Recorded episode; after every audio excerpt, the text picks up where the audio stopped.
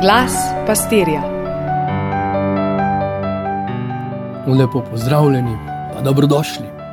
Ne samo v to današnjo peto nedeljo, ampak tudi tja, kamor nas ta eh, nedelja vabi, ta božja beseda.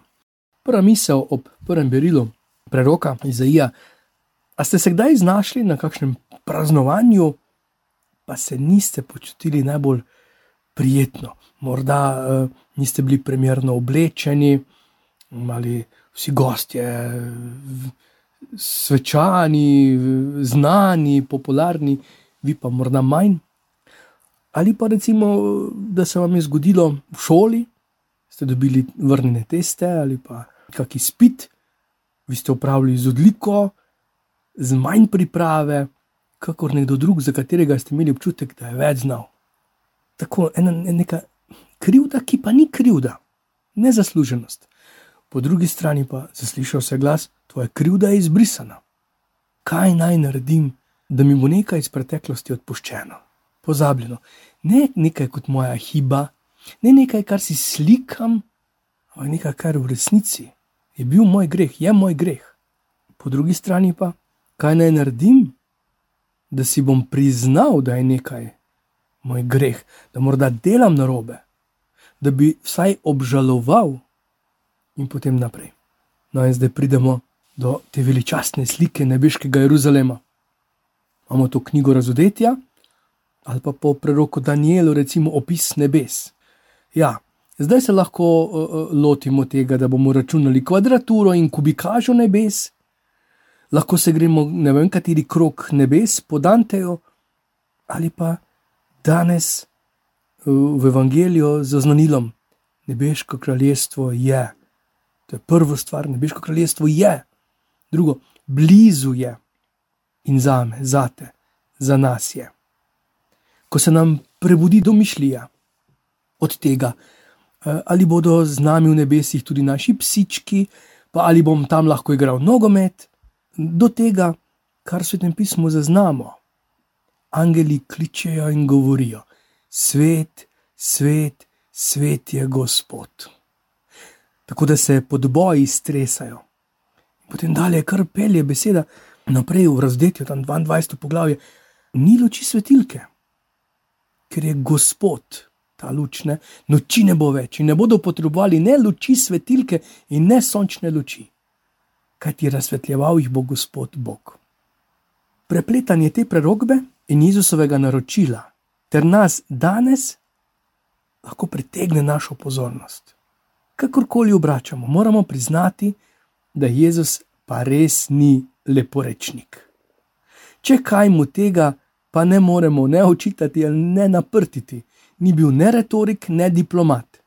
Še bolj pa, ker so mu celo tisti, ki so mu marsikaj učitali, priznali, da govori drugače, da govori z oblastjo, da so mu celo vihar in jezero pokorni.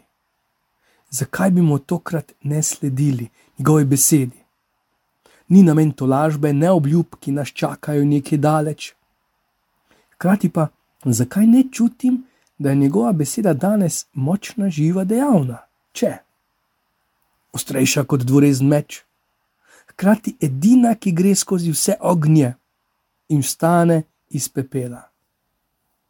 Sam stojim pogosto na pragu med smrtjo in življenjem, na pokopališču. Če ne želim biti še eden izmed govorcev, ki ali zgolj to lažijo in sočustvujejo, ali pa samo ponavljajo ganljive verze, mi preostane samo eno, da se naslonim na njega. Ta beseda je edina, ki ima to težo tudi na pokopališču. Čeprav vse pogosteje še tam se zapakiramo, med kulturno prireditev in sentimentalno dokončno slovo, kar pa je dejansko zelo v nasprotju s tem, kar nam celo danes govori Božja beseda. Po eni strani je res, gorje mi, človek ni čistih usnic sem, kar mi očitate, je skoraj vse res, revež sem umrljiv, krhek, po vrhu pa živim sredi ljudstva nečistih usnic. Kaj torej logično sledi? Je nič, smrt konec.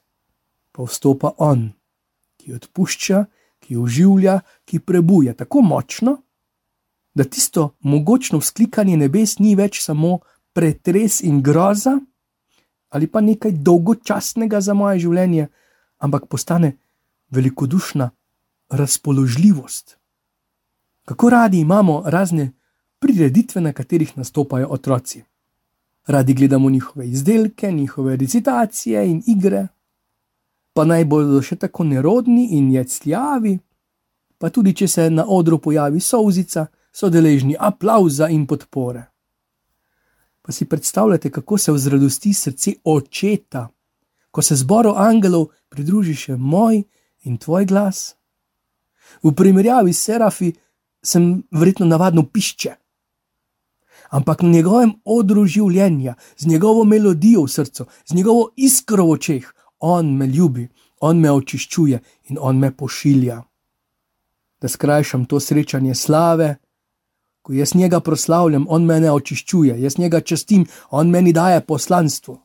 To je to, kar smo mi naredili za ritual prižgani dve sveči, poštirkani ministranti, ubrano zborovsko petje, tiho zbrano vzdušje vladi cerkve.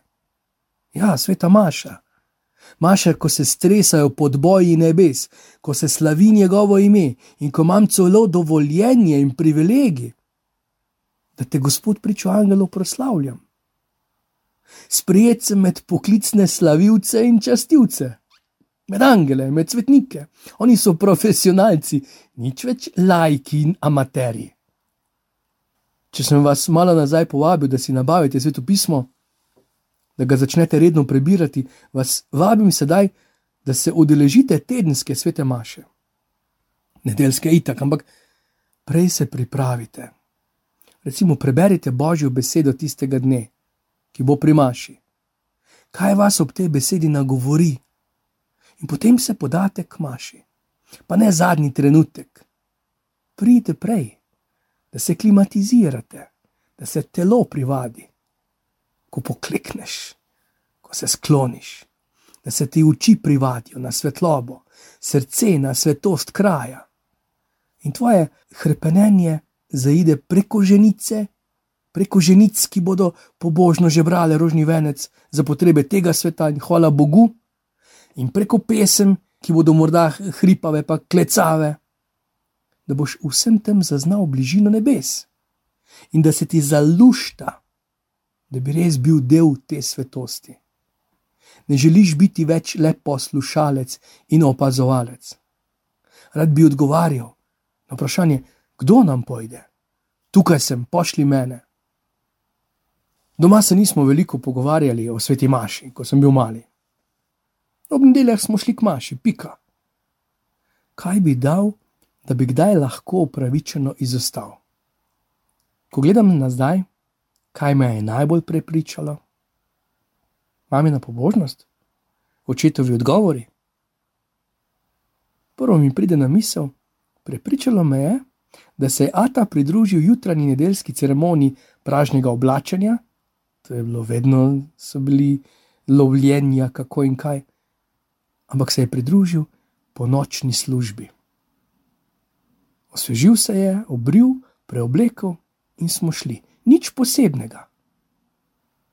Za me pa izjemnega pomena. In ko Luka, ta znanstvenik Luka, tako preširno preskoči vsi Jezusov nagovor iz čovna, nas lahko nagovarja tako čudežen olov, Petrova skesanost in to, da gredo po ribolovu takoj za njim. Celo noč smo se trudili, nič ujeli. Zdaj, ko imamo končno tak neverjeten ulov, lahko bi kupili nove mreže. In če še ponovimo ta ulov, Jezusov ulov, lahko nabavimo še nove barke, najamemo nove ribiče, postavimo ribarnico, mm, restauracijo. S farizeji se dogovorimo za novo božjo pot, Jezusovega čudežnega ulova, dogovorimo se za dnevne in tedenske karte.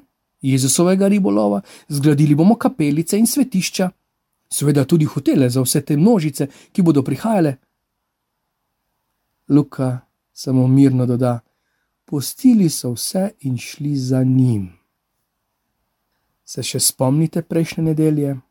Imamo priložnost, da ga iztisnemo iz svojega življenja in on odhaja dalje.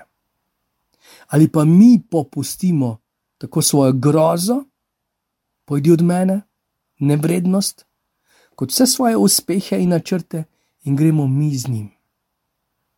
Si upa kdo danes svoje življenje izročiti v njegove roke? Gospod, želim, da vstopiš v moj čovn življenja. Morda nisem niti izplul, ker me je strah. Morda je to zgolj še razbitina ali lupinica, ki je še ostala. Vseeno, pridi, Gospod, z Bogom.